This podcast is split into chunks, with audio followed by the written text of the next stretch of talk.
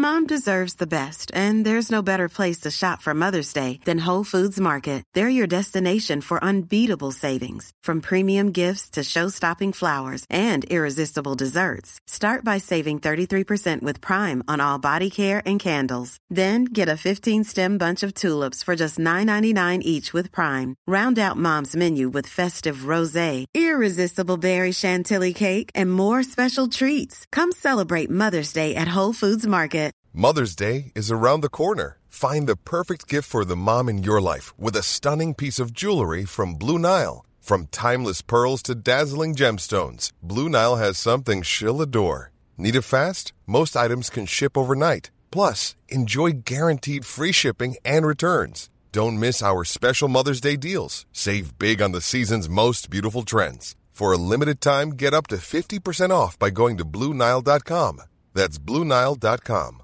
A lot can happen in the next three years. Like a chatbot may be your new best friend. But what won't change? Needing health insurance. United Healthcare Tri Term Medical Plans are available for these changing times. Underwritten by Golden Rule Insurance Company, they offer budget friendly, flexible coverage for people who are in between jobs or missed open enrollment. The plans last nearly three years in some states, with access to a nationwide network of doctors and hospitals. So, for whatever tomorrow brings, United Healthcare Tri Term Medical Plans may be for you. Learn more at uh1.com. Att dela in människor i personlighetstyper, kanske färger, det är populärt. Men funkar det egentligen?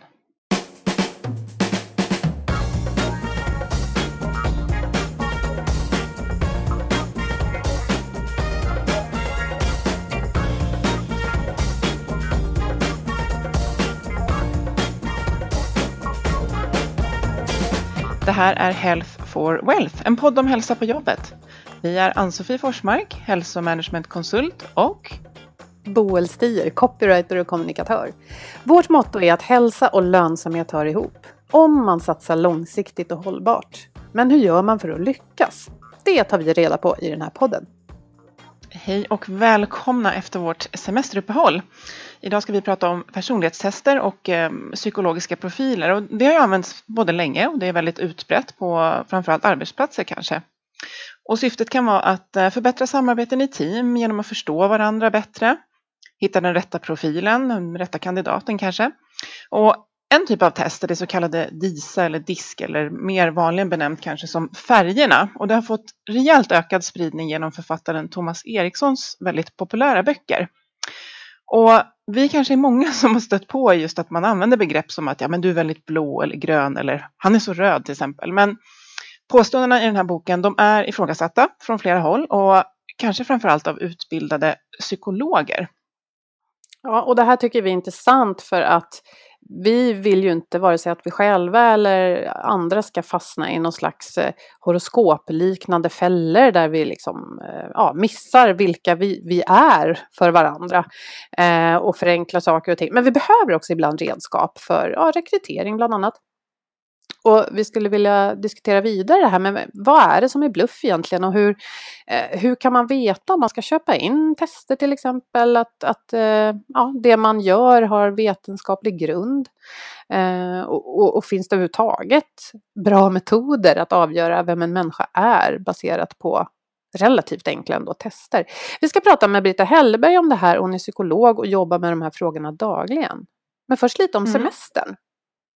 Ja, den, ja. den eh, på, kanske pågår för en del fortfarande. Men hur har du haft det, Boel? Jag har haft det jättebra. Eh, den här knasiga värmen har ju varit på ett sätt väldigt skön, även om den också känns väldigt oroande. Men eh, ja, mm. det är en större fråga och själva semestern för mig har varit jätteskön. Jag har varit med familjen ett tag och sen åkte jag iväg på ett dansläger en vecka och var, ja ensam var jag inte, men jag var eh, bland en massa människor eh, på egen hand, om man kan säga så, och fick förko förkovra mig i någonting jag tycker är väldigt kul. Swingdans, det var fantastiskt kul. Ja, det låter... Och du då? Jo, nej men, nej men samma. Jag har tagit väldigt mycket ledigt den här semestern och har fått brottats lite med Luther. Han har suttit på axeln och tyckt att ja, men, du borde ju jobba. Men jag har, jag har faktiskt eh, validerat här för mig själv att jag behöver vara mycket ledig, mycket med familjen. Eh, men har också smitit iväg själv och jag, eh, jag tänker det att vi kanske saknar, eller vi jagar samma, strävar efter kanske man ska säga, eh, samma sak, det här lite så här, någon typ av harmoni, men du dansade och jag tog lite halvspontant och drog upp till Abisko och gick ner till Nikkaluokta lite för mig själv förutom de jag mötte. Och det var, det var helt fantastiskt. Jag hann tänka jättemycket och jag vet fortfarande inte vad jag ska bli när jag blir stor men jag kom tillbaka med mycket insikter. Så det var, ja, det har varit en bra sommar. Vad härligt! Och just det här att få, att få tänka, för det kände jag då när jag inte var iväg med någon jag kände tidigare utan mer hade lite spontana kontakter men ingen permanent kompis liksom med mig. Oj vad jag fick tänka! Det var, det var så skönt.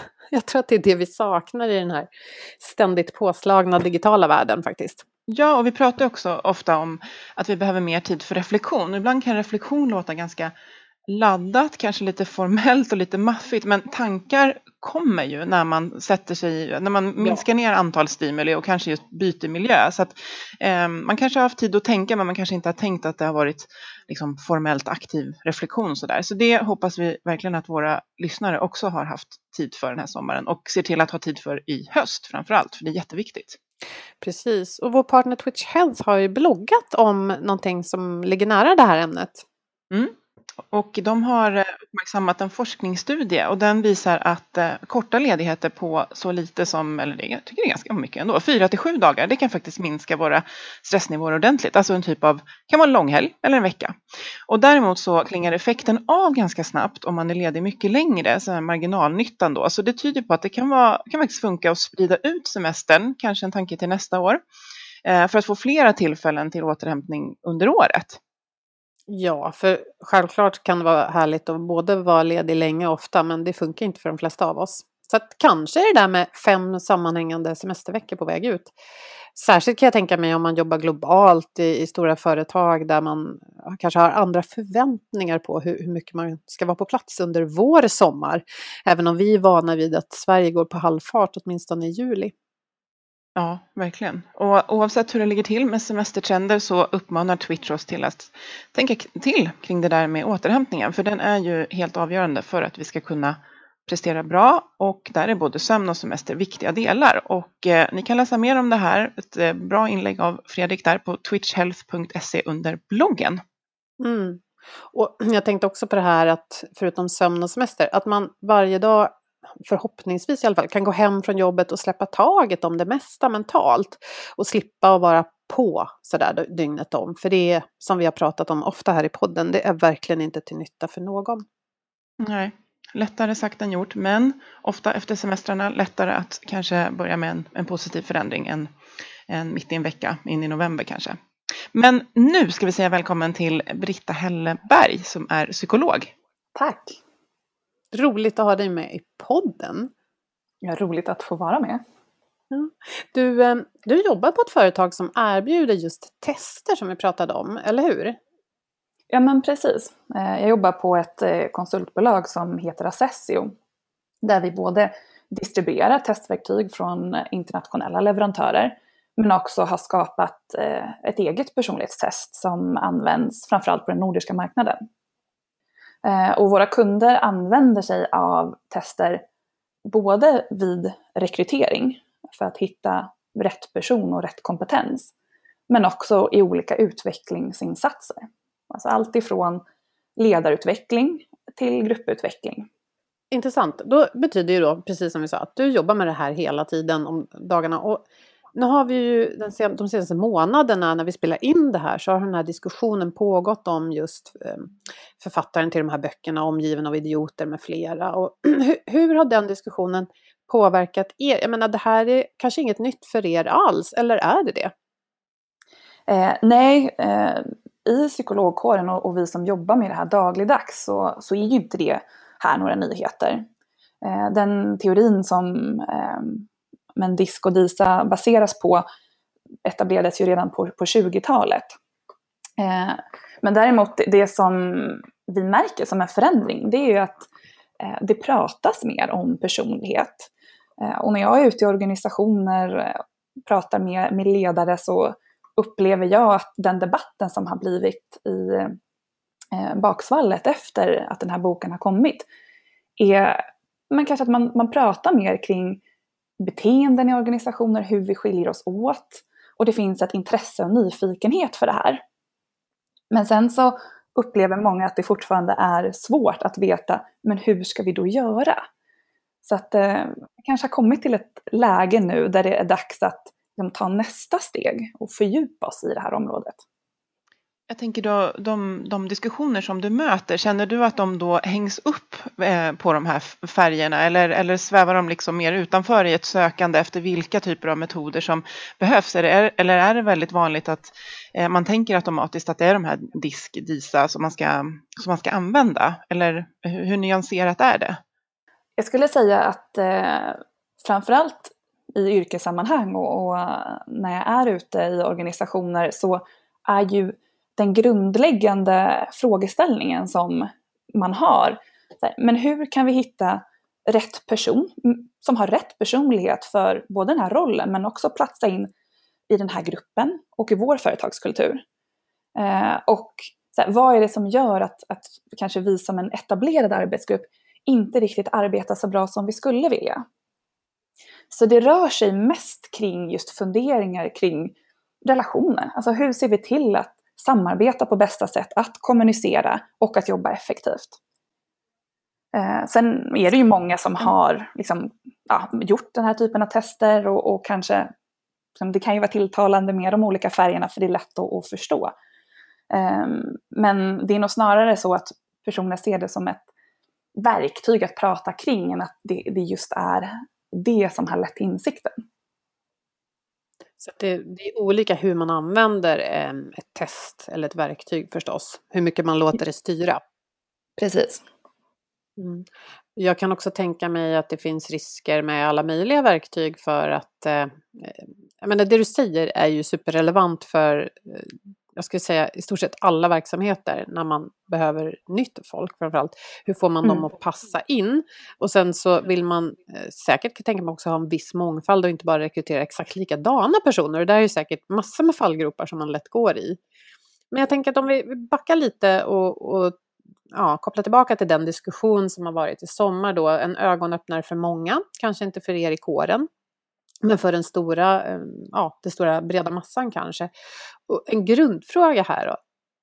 Finns det vetenskapligt tillförlitliga sätt att göra den här typen av personlighetstester? Eh, ja, det gör det. Eh, det här är någonting som har forskats på i princip under det senaste århundradet. Och personlighet är faktiskt ett av de allra mest beforskade områdena inom psykologin. Eh, kåren är också väldigt överens där. Eh, att det finns en teori som heter femfaktormodellen som består av fem övergripande personlighetsdimensioner. Och där har man sett att när man över tid tittar på eh, personer och, och hur det påverkat ens beteende så verkar det som att vi föds med vissa gener och vi formas under vår uppväxt till att få en grundpersonlighet.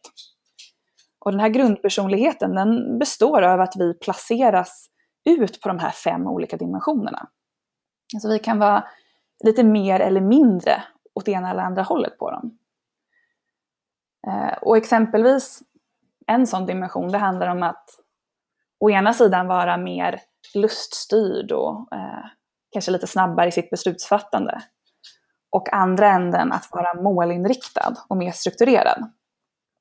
Och beroende på hur jag är som person så kommer jag att eh, känna mig bekväm åt det ena eller andra hållet. Eh, om jag känner mig mer bekväm åt det målinriktade, strukturerade hållet, då kommer jag i allt fler situationer vilja eh, göra en plan, strukturera upp, dela upp i delmål. Och om jag då hamnar i en situation där jag inte kan göra det, så kommer jag säkert klara det, men det kommer ta mycket energi ifrån så min fulla potential blir liksom, kommer inte till sin rätt riktigt då? Nej men precis, man kan nästan tänka på det som ett, eh, ett gummiband. Att om jag får göra eh, de beteenden och agera på samma sätt som, som min personlighet är, då är det som att mitt gummiband är avslappnat. Jag känner mig bekväm, det är naturligt. Om jag behöver göra beteenden som ligger långt ifrån min personlighet, då behöver jag sträcka ut det här gummibandet och visst är det så att med den här som jag bara har läst lite om, så du får verkligen rätta mig nu, eh, så är det lite mer att man, man, man tillkännager att man har alla de här fem delarna men man är starkare i olika och det, det ger mer som en plattform för förståelse för att jag, man kan behöva utveckla någon av de här fem eh, egenskaperna. Var, var med exempel de här om man pratar om de här färgerna, då är det lite mer att ja, men du, är, du är så här och så blir det att man liksom låser in en, en person i att ja, men du är på det här sättet och, och, så kommer det nästan att vara. Men de här fem faktorerna, då kan man ju få en bättre förståelse att ja, men jag kanske behöver utveckla min strategiska kapacitet för den är, den är inte så stark men den, den finns där till exempel. Eller är, eh, skulle du säga att det är en styrka med, med den? Ja men absolut, för, för det som också är en pusselbit i sammanhanget, det är just det här med att eh, man är ju inte bara sin personlighet, utan man kan ju faktiskt sträcka det där gummibandet. Eh, beroende på vad jag har för erfarenheter och kunskap så kan jag göra beteenden som ligger en bit ifrån min personlighet. Och det är just det som är det här utvecklingsområdet som du är inne på. Eh, exempelvis då, att om jag är en person som är mer tillbakadragen, men så jobbar jag som konsult och ska hålla föreläsningar.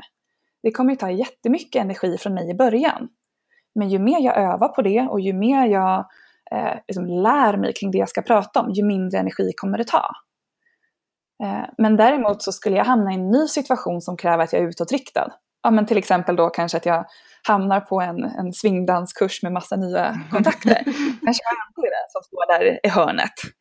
Eh, för att det liksom är min naturliga personlighet och det är dit jag tenderar att falla tillbaka. Mm.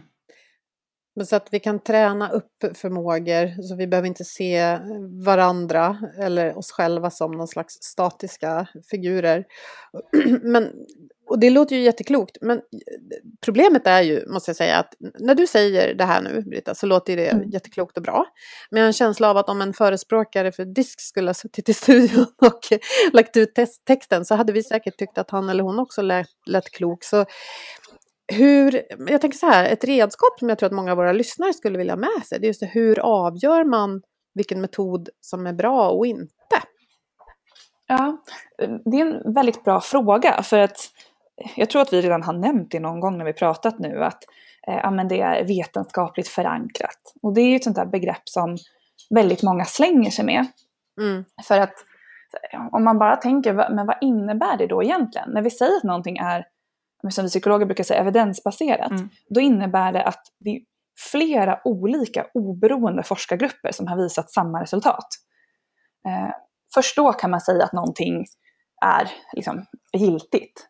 Men oavsett vilket test som, som en kund tittar på så kommer det alltid finnas studier som visar att det fungerar. Eh, men det kanske bara är en forskargrupp som har sett det.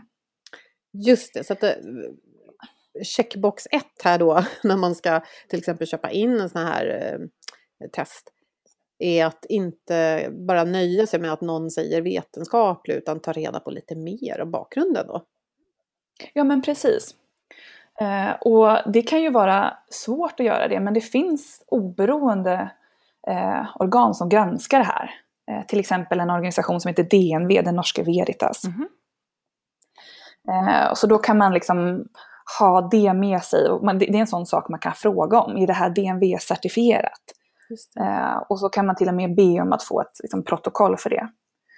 Eh, för det är också så att personlighetstest kan vara utformade för att användas i rekrytering. De kan vara utformade för att användas i, i utveckling.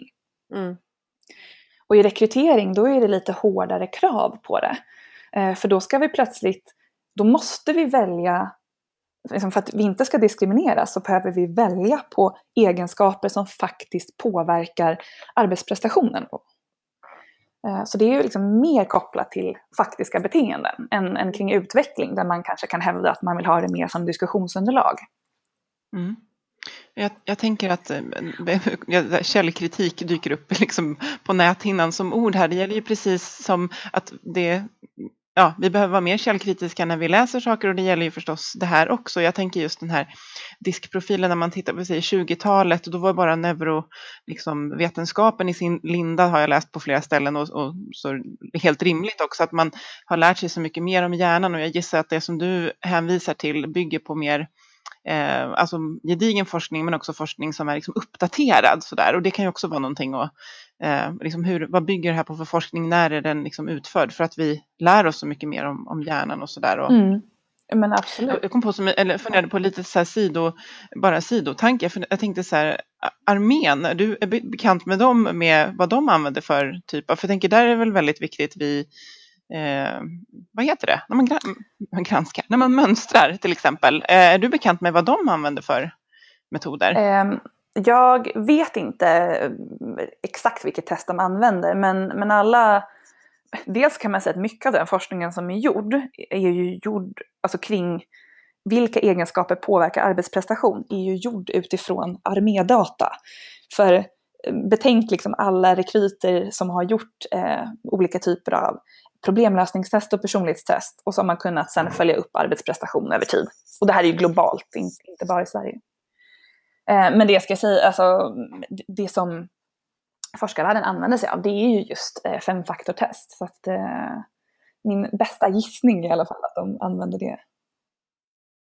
Jag tänker på att jag gick en eh, UGL heter en ledarskaps och grupputvecklingsutbildning som jag har gått genom eh, genom frivilligförsvaret och det har att göra med att jag hoppat fallskärm och sådär. Och eh, det är ju ja, tydlig försvarskoppling och där vet jag att vi gjorde något sånt test och det, det retar mig nu att jag inte vet vad det heter men där fanns det också färger och indelningar. Mm. Och det är här jag menar att fallgroparna är ganska tydliga för att vi lekmän då, det kan vara svårt för oss att se skillnader. Mm. Eh, när, vi, när vi väl ska fatta beslut. Men jag tänker att jag läste en bra artikel eh, eh, i en större dagstidning som jag tänker att vi kan lägga i inlägget sen när vi publicerar. För där det också var en koppling eller en länk till de här norske Veritas som listar då liksom, granskade metoder och redskap. Så det tycker jag kan vara bra att påpeka för er lyssnare att det finns i inlägget att klicka på om ni vill. För det som man också kan lägga till eh, kring det vi diskuterar nu, det är det att fördelen med att använda sig av ett femfaktortest där man får man får helt enkelt en profil där jag som person, jag plottas ut på de här fem olika dimensionerna och så, så får du en annan profil och vi kan jämföra våra profiler med varandra. Så då kan vi säga så här, till exempel i en rekryteringsprocess, om vi då behöver ha, om vi ska rekrytera en säljare och det är viktigt att den här säljaren har lätt att ta kontakt med nya människor. Eh, och om vi då kan titta i personlighetsprofilen, att vi har en kandidat som är men mer utåtriktad och mer kontaktsökande än den andra. Eh, och sen att det, liksom, ja, men det är likvärdiga erfarenheter och, och kunskap. Ja, men då kan vi tänka oss att dels den personen som är mer utåtriktad i sig själv kommer trivas bättre på jobbet, lyfta luren och göra alla de där telefonsamtalen. Men också att den nog kommer prestera bättre. Så att den här jämförbarheten mellan kandidater, det är också någonting som man får i ett femfaktortest och som man då kan koppla tydligt till en kravprofil. Just det. Jag kan få dela med mig om en sak om, om det är okej. Okay. Mm. Um, när jag sökte det jobb jag har nu så fick jag göra uh, någon typ av test uh, via nätet. och sen hade jag med det underlaget till ett möte med två då bli, eventuellt blivande chefer. Något jag tyckte var så himla härligt var att de hade med sina resultat från samma test. Mm. För det här med att göra sådana test, ofta så står det så här, ja men det här är inget du behöver förbereda dig för, utan du är den du är. Liksom. Det är bara att mm. svara mm. ärligt och det finns inget du kan göra fel eller rätt. Men känslan kan ju ändå vara, och speciellt om man väldigt gärna vill ha ett jobb, att man gärna vill svara rätt och så. Så det finns ju naturligtvis en, ett inslag av anspänning här, liksom, för, för många i alla fall. Mm. Och just det här att de hade med sina resultat, att vi pratade om dem, det gjorde ju att jag kände mig väldigt bekväm och framförallt att jag ännu mer ville jobba där. Jag tyckte det var ett himla coolt drag. Ah, vad spännande. Mm. Och jag vill också dela, för att jag har ju gjort den här, det här disktestet, nu var det ganska länge sedan och jag satt ju där och bara liksom skrattade över hur väl det stämde. Men sen har jag ju läst lite psykologi och kanske också eh, blivit några år äldre och försökt jobba med mig själv och också fått reflektera över hur jag liksom funkar i grupp och vad som händer när jag blir stressad och pressad. Så att jag kan säga att nej, jag har ju slängt med mig i podden också, jag har sagt ja men jag är så himla gul, men jag är mycket väl medveten om liksom bristfälliga liksom vetenskapliga grunden. Men mig, för mig, så det hade säkert funkat med vilket annat test som helst, så har det gjort mig medveten om vilka egenskaper som jag behöver jobba med. Till exempel att jag kör gärna på, är väldigt liksom, spontan. Eh, och ibland så hänger inte folk som har en annan liksom, personlighetstyp med mig. Så att för mig har det faktiskt hjälpt att just så här, nu får du lugna ner dig lite grann Ann-Sofie. Det har liksom gett mig insikter så. Men jag har, har också varit väldigt liksom, eftersom jag sen har liksom läst vidare så har jag också reflekterat över att, eh, alltså just bristerna i det. Och jag tänker lite, vad är vad skulle du säga är risken på arbetsplatser om, om vi tillämpar sådana här förenklade modeller som, som just saknar den här liksom, ordentliga vetenskapliga grunden som till exempel DISK? Vad, vad, är, vad är riskerna med det? Men för det första så skulle jag säga att det finns en risk i eh, men vad, vad, du som individ i ett utvecklingssammanhang väljer att ta till dig av. Eh, för är beskrivningarna alltför generella Ehm, som det då kanske blir om, om man bara blir en kategori istället för att få en heltäckande personlighetsprofil, så finns ju en stor risk att man spinner vidare på det man redan vet är ett utvecklingsområde. Eh, eller någonting som man har hört. Men frågan är, är det faktiskt just det som kommer ge den största utvecklingen för mig i min roll i den här gruppen? Um, det liksom finns den här liksom bekräft, eller, ja, confirmation bias som, som mm. heter. Det man letar efter, det ser man. Ja men precis. Um, och jag har varit med flera gånger om, i individuella coachningar med chefer att men man börjar fråga här, men vad, vad ser du som dina utvecklingsområden? Uh, och så tar de någonting som de är ganska bra på. Uh, kanske för att de har jobbat med det en del redan eller bara för att det är det som närmsta gruppen pratar om. Eh, och sen så lyfter jag perspektivet och, och säger, ja men jag tror att utifrån det, det, som jag ser i din personlighetsprofil och det som, vi har pratat om i gruppen, kanske det är det här du ska jobba med. Och då kan det bli en ögonöppnare att säga, ja just ja. Eh, så det är väl det ena, att man riskerar att liksom smalna in för snabbt. Men det andra är ju att eh, har vi allt för liksom, eh, förenklade och generella beskrivningar så betyder de olika saker för olika personer. Så om du i det här exemplet, ja men du blir lite för gul ibland. Att du är lite för gul, det kanske betyder någonting annat för mig. Eh, och så börjar jag göra tolkningar av att det här är ett gult beteende. Eh, jag kanske till och med börjar anpassa mig i organisationen. Att eh, jag inte ställer vissa typer av frågor till dig för jag tänker att de här är ändå inte du så, så bra på att hantera. Och så blir det istället en självuppfyllande profetia som hindrar vårt samarbete. Och jag skulle säga framförallt hindrar perspektivtagandet. För det är någonstans det som vi vill uppnå när vi jobbar med grupputveckling. Att vi vill eh, hjälpa individer och organisationer att se att alla är inte som jag och tänker inte som jag. Jag behöver anpassa mitt beteende för att liksom, få fram gruppens bästa resultat. Men om vi då börjar generalisera för mycket så kan det istället bli motsatt effekt. Att, att vi placerar folk i fack och tillskriver dem egenskaper. Ja, men lite det här med att ja, det är inte så konstigt att du kommer sen för du är ju gul. Alltså just precis som du säger och det blir lite, låter mm. som att man låser in det.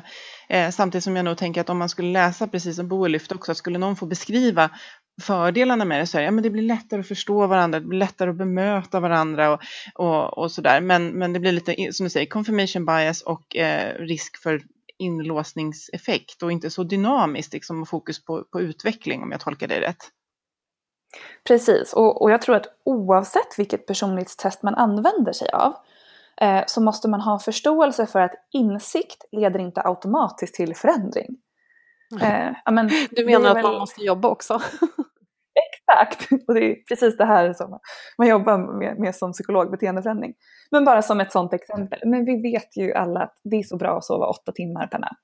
Det är bra för hjärnan. Eh, men det betyder ju att om, om jag nu har en tendens att vara uppe för sent och se på en bra Netflix-serier, men ändå vill gå upp i tid till morgonmötet, så måste jag ju göra en beteendeförändring. Som innebär att jag måste minska ner på beteendet att se på serier, eh, öka upp på ett tråkigt beteende som tar energi, att liksom gå och lägga mig i tid. Eh, och det, det är framförallt liksom det steget som kommer leda till, till effekt att här, efter att vi fått den här insikten så behöver vi sätta en riktning. Var ska jag utvecklas? Och om vi pratar om förbättrad kommunikation och samarbete i grupper så säger forskningen att den, den största vinsten finns oftast i att enas om gemensamma mål. Eh, tydliggöra. Alltså vad innebär det att nå de där målen då? Vad, vad, ska jag göra i min roll och vad ska du göra i din roll? och sen så skapa en konkret plan för förändring. Och personlighetstest kan ha en jättebra plats både i att skapa den här insikten eh, och sen att skapa en plan för förändring. Eh, men man behöver lägga till det här extra steget med att just enas om, om målet och ehm, sen kontinuerligt stämma av, rör vi oss mot målet? Mm. Precis, och vi har olika starka roller i det där rörandet såklart. Att några är ju liksom de som sätter igång startnyckeln och några är bra på att köra bilen långt och några kör den fort och ja, lite sådär metaforiskt. Ja, men, men, men, vi har liksom olika, ja, jag förstår precis vad du, eh, vad du menar. Och, ja. Eh, och som sagt, man förstår ju ändå det här, eh, liksom allting går så fort nu för tiden. Jag kan tänka att det här känns lite som ett eh, symptom, så att det går ju då kan man liksom läsa en bok nästan och, och säga, ja men nu har jag identifierat dig som röd och då är det ju så här det är. Så, så där. Eh, men jag tänker att just med, med den förenklingen som det är, finns det liksom tillfällen när sådana här förenklade modeller ändå har ett, ett värde eller är det, är det, är det mest av ondo? Eller hur, hur ser du på det? Eh, nej men det, framförallt så finns det ett värde i att prata om beteenden i organisationer. Eh, det som leder till liksom, framgång på mest effektivt sätt är ju både att ha en liksom, konkret måluppfyllelse. Når vi eh, den här enhetens eh, budget, liksom, resultaten och eh, gör vi de uppgifter som vi bestämt oss att vi ska göra amen, på en vårdavdelning? Tar vi tillräckligt många patienter? Men den andra delen är det att det handlar inte bara om att vi ska nå målet utan det handlar också om att definiera hur ska vi göra för att nå det där målet. Mm. Och där kommer ju samarbetet in. Mm. Eh, så om vi kan börja prata om, mer om och utvärdera hur fungerar samarbetet. Um, och det, man kan ju använda sig av personlighetstest för att börja prata om det men man skulle likväl kunna göra det genom att definiera spelregler för oss i arbetsgruppen. Eller tydliggöra eh, när ska vi dela information och hur. Mm. Um, så egentligen skulle jag vilja säga att det allra bästa hade ju varit om vi kunde få lite förenklade modeller kring vad är målet och hur ska vi nå dit? Och liksom mm. kontinuerligt prata om det. Snarare mm. än att förenkla personlighet som är rätt komplext. Mm. Just det. Och att inte fastna på det som kanske kan bli navelskåderi om man bara tittar på personligheter men sen inte tar den in, insikten, alltså hur, hur välgrundad den än är, vidare någonstans. Då, ja, då missar man målet. Mm. Ja men precis. För, för det som vi också vet är att såklart så spelar ju individens personlighet roll i hur väl man presterar på jobbet. Men en ännu större del spelar ju organisationens struktur in. Ja. Vad har vi för ledarskap? Eh, vad är kulturen? Vilka beteenden eh, uppmärksammas och förstärks och vilka signaler skickas? Så fokuserar vi för mycket på individers personlighet så finns också en risk att vi skjuter oss själva i foten.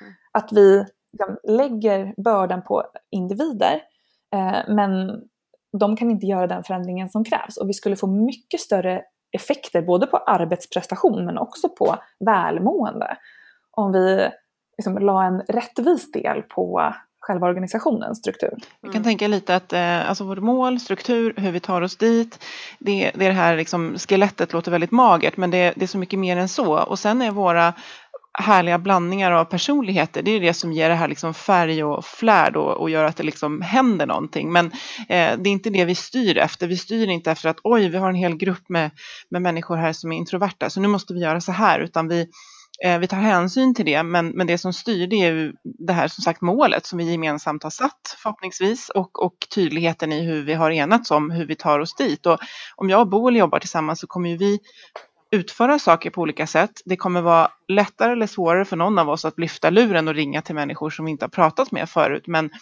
eh, vi kan säkert liksom skruva på det där. Men, men personligheterna är inte det som vi ska som sagt navelskåda sönder oss i. För då kommer vi inte dit vi, dit vi ska kan jag tänka. Nej men precis. Och, och det viktiga här är ju, men vad gör vi faktiskt på jobbet? Vilket beteende gör vi? Och, och kanske lite mindre, vilka är vi och vad är det för personlighet vi har? Mm. Precis, och det, jag tänker att vi pratar om beteenden, att, att det ja, någon kan tycka det är mer bekvämt att vara social, någon annan kan tycka det ligger mer lätt för dem att vara strukturerad och så vidare.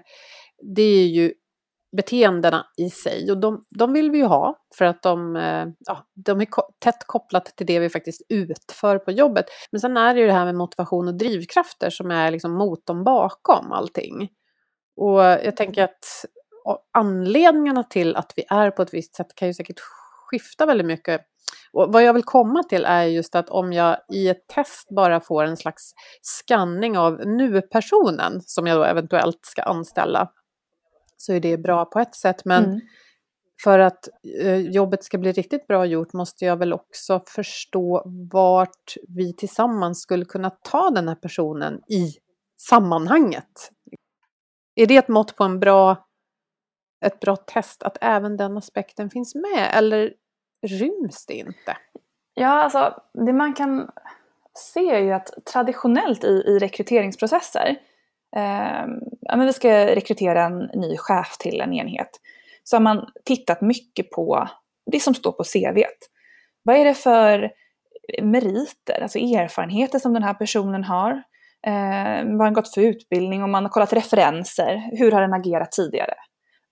men lite för mycket liksom vikt vid hur har det fungerat tidigare i andra organisationer. Mm. När det som vi egentligen är intresserade av är ju eh, hur kommer den här personen agera i framtiden? Eh, I en ny roll, mm. eh, i en ny situation med nya kollegor. Eh, så vi vill ju titta mer på just eh, möjligheten att, att göra det, det, som vi tänker krävs, alltså kompetensen i, i kravprofilen. Och mm. där så har, om om man tittar, för det man kan mäta väldigt bra, det är ju personlighet och så är det eh, problemlösningsförmågan eller förmågan att lära sig ett nytt jobb snabbt. Tittar man på det så kan man få en viktig pusselbit just i hur kommer de här erfarenheterna att användas framåt. Eh, så att det, i dagsläget så eh, det här med motivation och drivkrafter, det är komplext. Eh, det som forskningen pratar om nu det är att det är en kombination egentligen, både av vilka vi är som personer, eh, men också den situationen som vi är i. För att jag kommer nog motiveras och trivas på ett jobb om jag är väldigt utåtriktad, extrovert. Då kommer jag trivas om jag får jobba tillsammans med andra och samarbeta. Eh, och kommer inte trivas så bra om jag bara får sitta hemma och göra mina Excel-filer. Men sen så, det är just det här med motivation, det kan också slå lite, lite snabbare. Personlighet är stabilt över tid, men om det är så att jag far runt och föreläser varje dag och har ett väldigt högt tempo och sen gör jag ett motivationstest, då, då kan det snarare få visa att amen, jag vill ha ett lugnt jobb. Eh, för att det också är beroende av den aktuella situationen på ett annat sätt än, än vad personlighet är, som är stabilt över tid jag kan tänka lite det här att eh, det är inte så konstigt att det här är med relationer är så intressant därför att om man pratar med, med liksom, men vad är det som är viktigt i verksamheten? Ja, men det är ju relationer. Allting kommer ner till relationer och det kanske inte är så konstigt i den tidsålder som vi lever i därför att vi om, om det mesta som vi pratar om, digitalisering, automatisering, och vi, det är inte så, alltså om Boel kan mm. lyfta låda A till plats B eh, så var det liksom, ja men fine. Och sen fick hon ha vilken personlighet hon ville när hon jobbade i min fabrik på 30-talet. Men eh, nu är det viktigt att hon möter både medarbetare och kunder och då blir ju personligheten och drivkrafter och motivation, det är ju själva nyckeln till vår framgång. Så det är inte konstigt att det blir mer och mer fokus på det här och att man vill hitta verktyg för att identifiera och liksom skapa verktyg för att eh, hitta sätt att samarbeta bättre och också sätta rätt person på cold call selling till exempel och någon annan på eh, att gå hem och knacka dörr och sälja dammsugare om någon gör det fortfarande. Men eh, ni förstår vad jag menar att det är klart att det här är ju jätteaktuellt och relevant både nu och för vår, för vår framtid. För vi kan inte eh, digitalisera våra, våra relationer och möten, det går ju inte. Nej, och ytterligare en aspekt i det, det är kompetensbristen som många organisationer pratar om. Mm. Att man hittar inte rätt kompetens, men speciellt kanske IT-relaterade yrken och så vidare. Eh, och många gånger så är det för att man letar eh, för smalt. Mm. Alltså man tänker att kandidatpoolen det är, eh, hade vi en vit medelålders man som lyckades i den här rollen förut, då, då liksom är det Även fast man försöker vara objektiv så har man på sig de glasögonen och så försöker man hitta någon som påminner om den. Mm. Och det här är jättesvårt. Ja. Det är vår liksom, största utmaning som människor, att vara objektiva. Ja. Eller... Och de organisationer som lyckas, det, det är de som kan bredda det här perspektivet och leta mer efter faktorer hos kandidater som påverkar kompetens. Ja. Eh, och släppa de här uh, föreställningarna om vad som påverkar kompetens. Ja men precis. Och när du säger kompetens då, eh, tänker du, eh, jag vet inte exakt hur definitionen lyder, för jag tänker att om man vill bryta mönstret att det är exakt samma typ av personer med samma typ av erfarenheter som hela tiden rekryteras till en viss typ av roll, eh, då måste man ju släppa in de som inte har samma erfarenhet. Mm. Eller hur? Exakt. Annars kan, de inte, kan den gruppen inte få de erfarenheterna. Och då måste man ju kunna se inte bara vad denna person är idag utan vad den kan bli. Precis. Och det är, det, som, det är där som tester kan bidra i en rekryteringsprocess. Att vi får ytterligare en pusselbit. Vad, vad har vi för potential hos den här kandidaten? Kan den lära sig det här? Um, och på det sättet så, så kan man bredda. Och där tyckte jag att, att eh, liksom poletten trillade ner för mig fullständigt. Att då, då är det verkligen viktigt att testet i sig inte ger en alltför förenklad bild. För då är den statisk, Nej. då är den fix liksom. Mm, mm. Ja men precis. Och uh, det finns stora möjligheter med att använda sig av tester i, i rekrytering. Uh, just det här med att man kan uh, men bredda kandidatbasen på ett annat sätt. många organisationer som vi jobbar med ser också effekter, inte bara på att man hittar medarbetare som faktiskt presterar bättre i rollerna men också att man får en helt annan mångfald i organisationen. Um, allt ifrån liksom, kopplat till etnicitet, kön, ålder.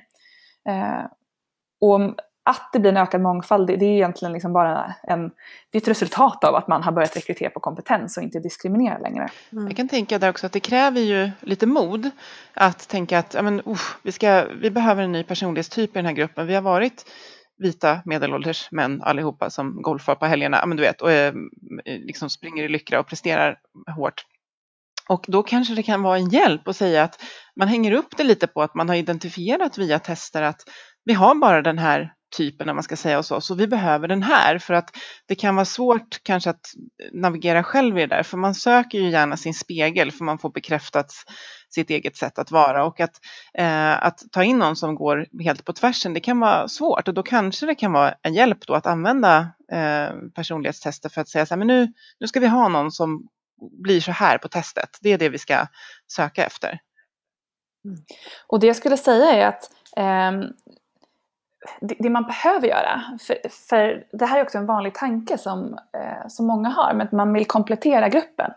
Men egentligen så vill vi vill inte ha personer som har nödvändigtvis en annan personlighet. Vi vill ha liksom, en, den mest kompetenta och som kanske tillför eh, pers andra perspektiv i gruppen utifrån kompetens. Så för att lyckas med det här så behöver man först definiera väldigt tydligt eh, vad är det som krävs i rollen för att lyckas och göra en bra kravprofil. Eh, mm. Vilka beteenden behöver personen göra? Alltifrån arbetsuppgifter men också vilka behöver den samarbeta med? Och, eh, hur, mycket, hur många team ska den vara delaktig i? Så att man gör den liksom så att det inte blir den här tomtens önskelista med, med 25 egenskaper som mm. flexibel och omtänksam och, och sådär. Utan att det blir just men det är det här som är need to have, alltså de här kritiska kompetenserna på här man har för att lyckas i rollen. Och så bedömer man i rekryteringen både erfarenheter och kunskap från CV men också personlighetsegenskaper som är kopplat just till de kompetenserna. Eh, mm. Och sen så ser man så här, men vilka kandidater hamnar bäst här. Eh, och det kanske råkar vara ex exakt en kopia av den förra. eller så är det någon helt annan. Men, men, att det är också viktigt att vi ska inte ha mångfald bara för att, utan det är hela tiden fokus på att hitta rätt kompetens. Men rätt kompetens finns oftast överallt. Såklart både hos kvinnor och män, även om det är ett eh, tekniskt yrke och så vidare. Ja, precis. Och det du beskriver nu det är ju just att man någonstans har satt upp ett tydligt mål för verksamheten och mål för vad som ska utföras. Och finns inte det, då, kan du, då blir det lite svårare. Men då blir det, ja, vi ska hit och vi behöver den här personalstyrkan och då behöver vi de här kompetenserna. Så att, eh, mycket av det du beskriver i det här, det är också det som är nyckeln till en organisation som mår bra och där medarbetare har förutsättningar att må bra och samarbeta för att det finns ett tydligt mål och det finns tydligt vilken kompetens som behövs. Och nu har vi inte pratat så mycket om förutsättningar, men det var inte fo liksom fokus för det här. Men det här jackar ju in i allt det som vi ser finns på plats i organisationer där medarbetare just då mår och presterar bra. Så att eh, allting hänger ihop ja. som, som vanligt på något sätt.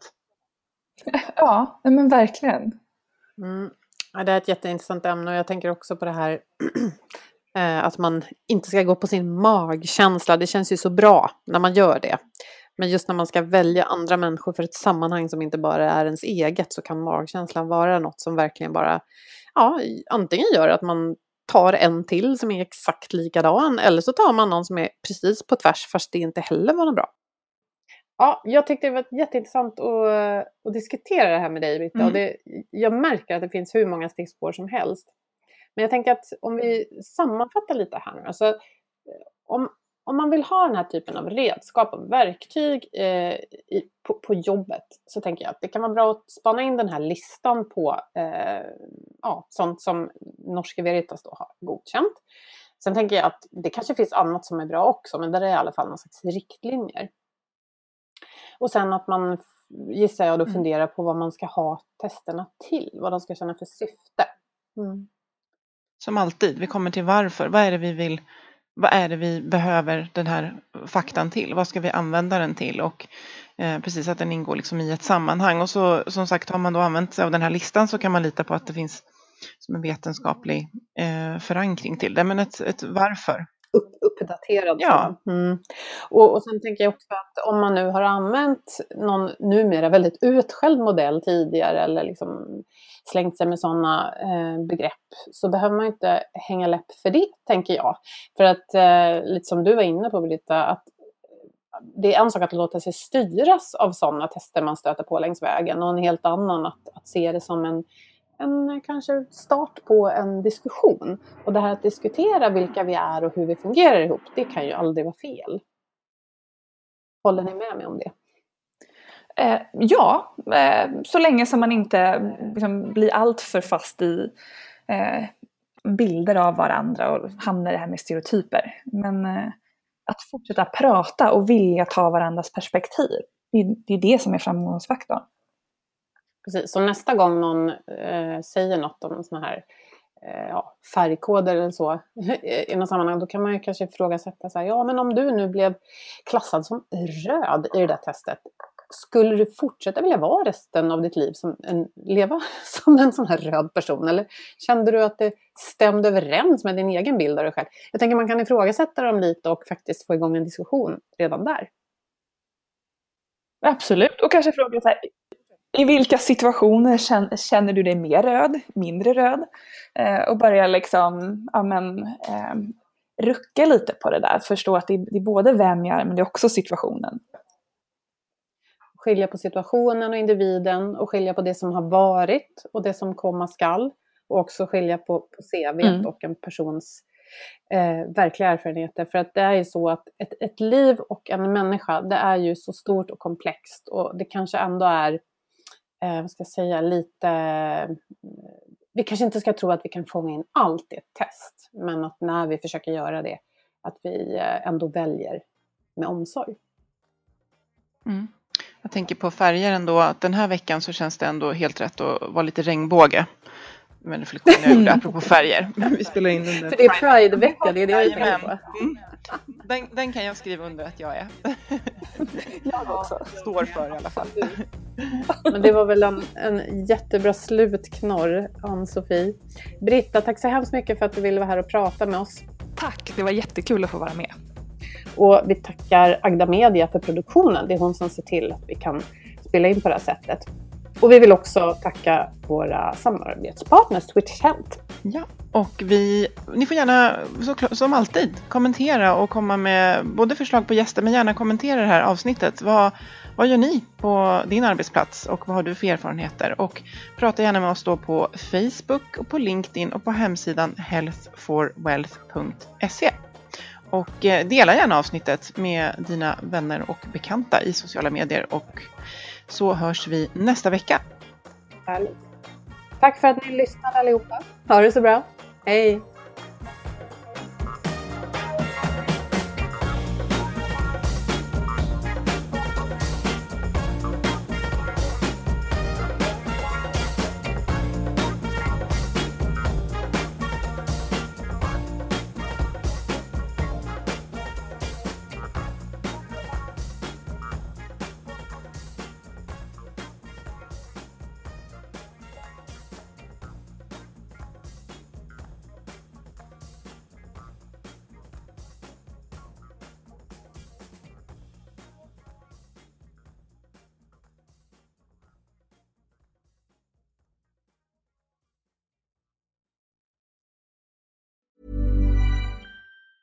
Planning for your next trip? Elevate your travel style with Quince. Quince has all the jet setting essentials you'll want for your next getaway, like European linen, premium luggage options, buttery soft Italian leather bags, and so much more. And is all priced at 50 to 80% less than similar brands. Plus, Quince only works with factories that use safe and ethical manufacturing practices. Pack your bags with high-quality essentials you'll be wearing for vacations to come with Quince. Go to quince.com slash pack for free shipping and 365-day returns. Mom deserves the best, and there's no better place to shop for Mother's Day than Whole Foods Market. They're your destination for unbeatable savings, from premium gifts to show-stopping flowers and irresistible desserts. Start by saving 33% with Prime on all body care and candles. Then get a 15-stem bunch of tulips for just $9.99 each with Prime. Round out Mom's menu with festive rosé, irresistible berry chantilly cake, and more special treats. Come celebrate Mother's Day at Whole Foods Market. Planning for your next trip? Elevate your travel style with Quince. Quince has all the jet setting essentials you'll want for your next getaway, like European linen, premium luggage options, buttery soft Italian leather bags, and so much more. And is all priced at 50 to 80% less than similar brands. Plus, Quince only works with factories that use safe and ethical manufacturing practices. Pack your bags with high-quality essentials you'll be wearing for vacations to come with Quince. Go to quince.com/pack for free shipping and 365-day returns.